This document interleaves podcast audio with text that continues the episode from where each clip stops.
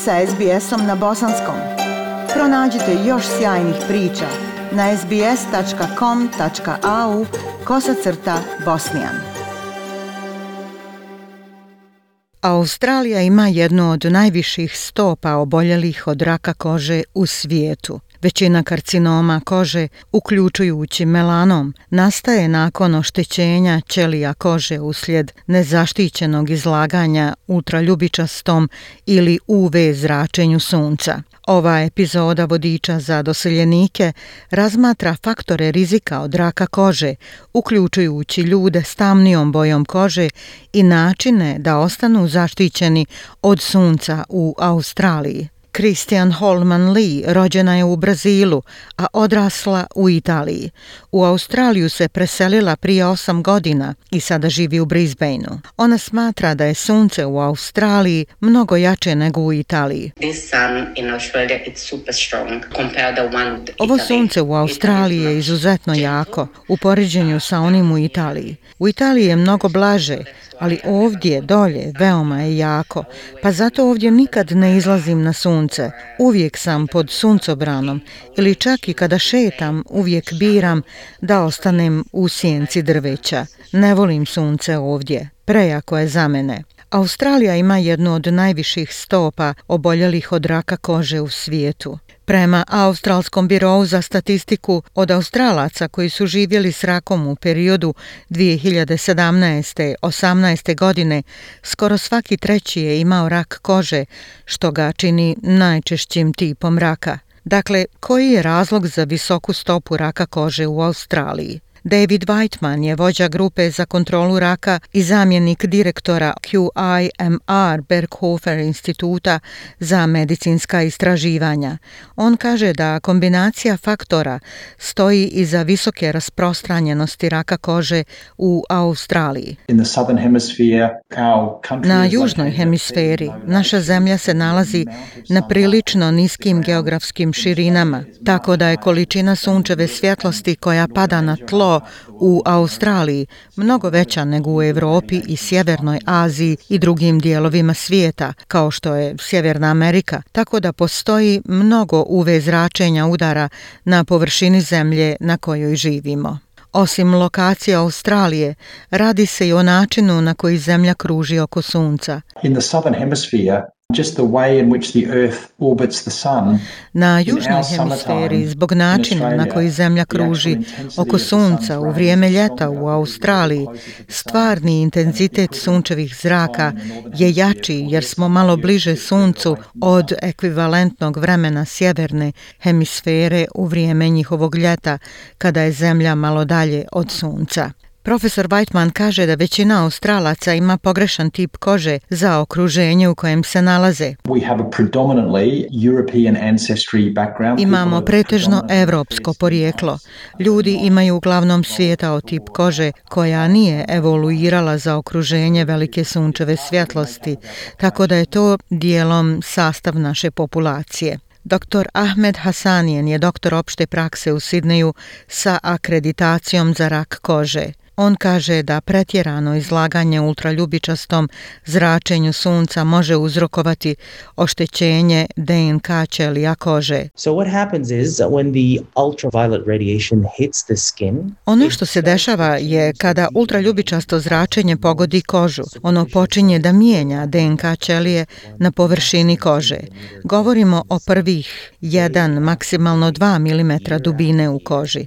Dan za danom, godinu za godinom Ćelije raka počinju da evoluiraju, bilo da se radi o blažem karcinomu, osnovi za rak, do srednjih i potencijalno opasnih po život karcinoma ili melanoma koji ugrožava život.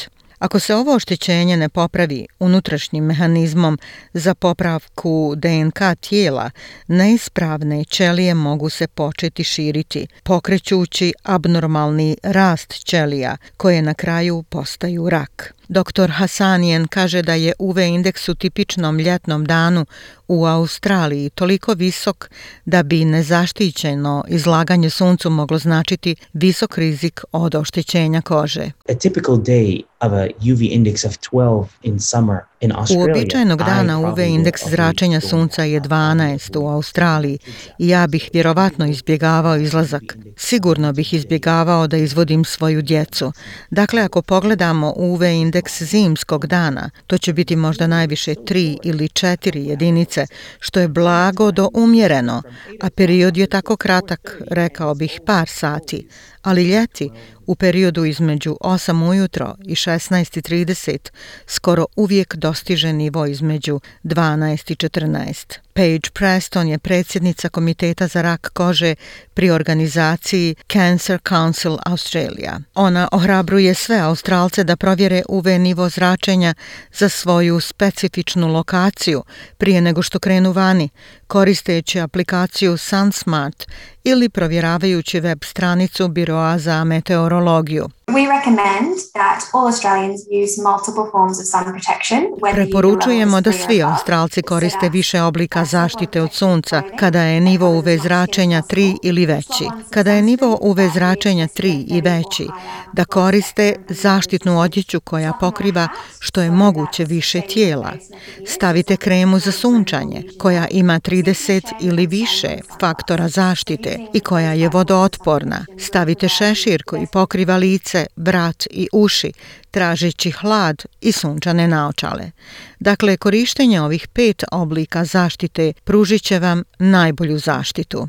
Ljudi sa tamnijom bojom kože imaju melanin koji nudi zaštitu od oštećenja DNK, kaže gospodin Weitman having darker skin definitely protects from having skin cancer. Tamnija koža definitivno štiti od raka kože, a razlog tome je što pigment melanin, koji naša koža prirodno proizvodi, zapravo stvara barijeru koja je vrlo zaštitna od UV zračenja. Postavlja malu barijeru oko jezgra ćelija kože, poput štita i apsorbuje sve to UV zračenje i vrlo je zaštitnička, zaustavlja oštećenje DNK u tim ćelijama ali to ne znači da nema rizika od raka kože kod ljudi sa tamnijom kožom. Dr. Hasanijen kaže da mnogi njegovi pacijenti sa rakom kože imaju tamniju boju kože. On poziva sve da budu pametni na suncu. Everyone is different. In medicine, A good doctor will tell their patients there is a risk factor. Svi su različiti. U medicini dobar doktor će reći svom pacijentu, postoji faktor rizika. Molimo, izbjegavajte faktor rizika. Slično, kardiolog će pacijentu reći, želim da prestaneš pušiti, želim da se hraniš zdravo, želim da počneš vježbati. Dakle, ultraljubičasto zračenje predstavlja riziko draka kože, a tamna osoba, osoba svijetle boje, izložena je istom faktoru rizika rizika. Tamna osoba ima zaštitu, ali to ne znači da ste uvijek zaštićeni. Svako može dobiti rak kože, čak i ako ste tamnoputi. Ja to imam u svojoj praksi. Ali neizlazak na sunce može značiti nedostatak vitamina D, posebno za ljude sa tamnim tipom kože. Paige Preston iz Vijeća za rak kaže da bi takvi ljudi trebali razgovarati sa svojim liječnikom opšte prakse o suplementima vitamina D umjesto da se izlažu suncu na duži period. Postoje neke grupe koje su u riziku od nedostatka vitamina D. Dakle, to su ljudi koji imaju više melanina i tamniju boju kože.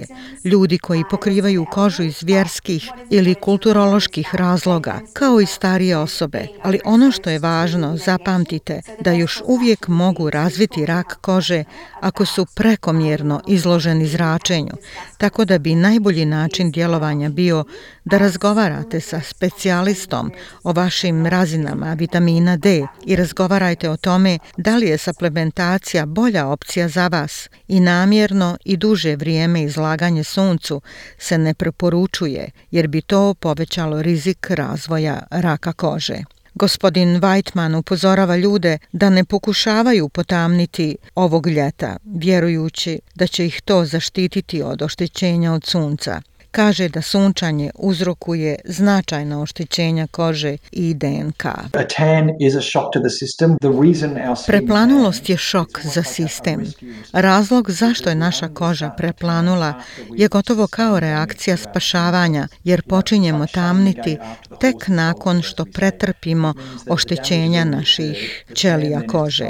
To je kao da zatvorite kapiju nakon što je konj uskočio u dvorište. To znači da je oštećenje već nastalo nastalo, a koža pokušava spriječiti da nastanu dodatna oštećenja. Sada kada dobijete preplanulost, ona pruža zaštitu od sunca. To je ono zbog čega je evoluirala, ali za ljude koji pokušavaju da dobiju preplanulost, jedini način na koji mogu dobiti preplanulost je da nanesu štetu svojoj koži i svom DNK.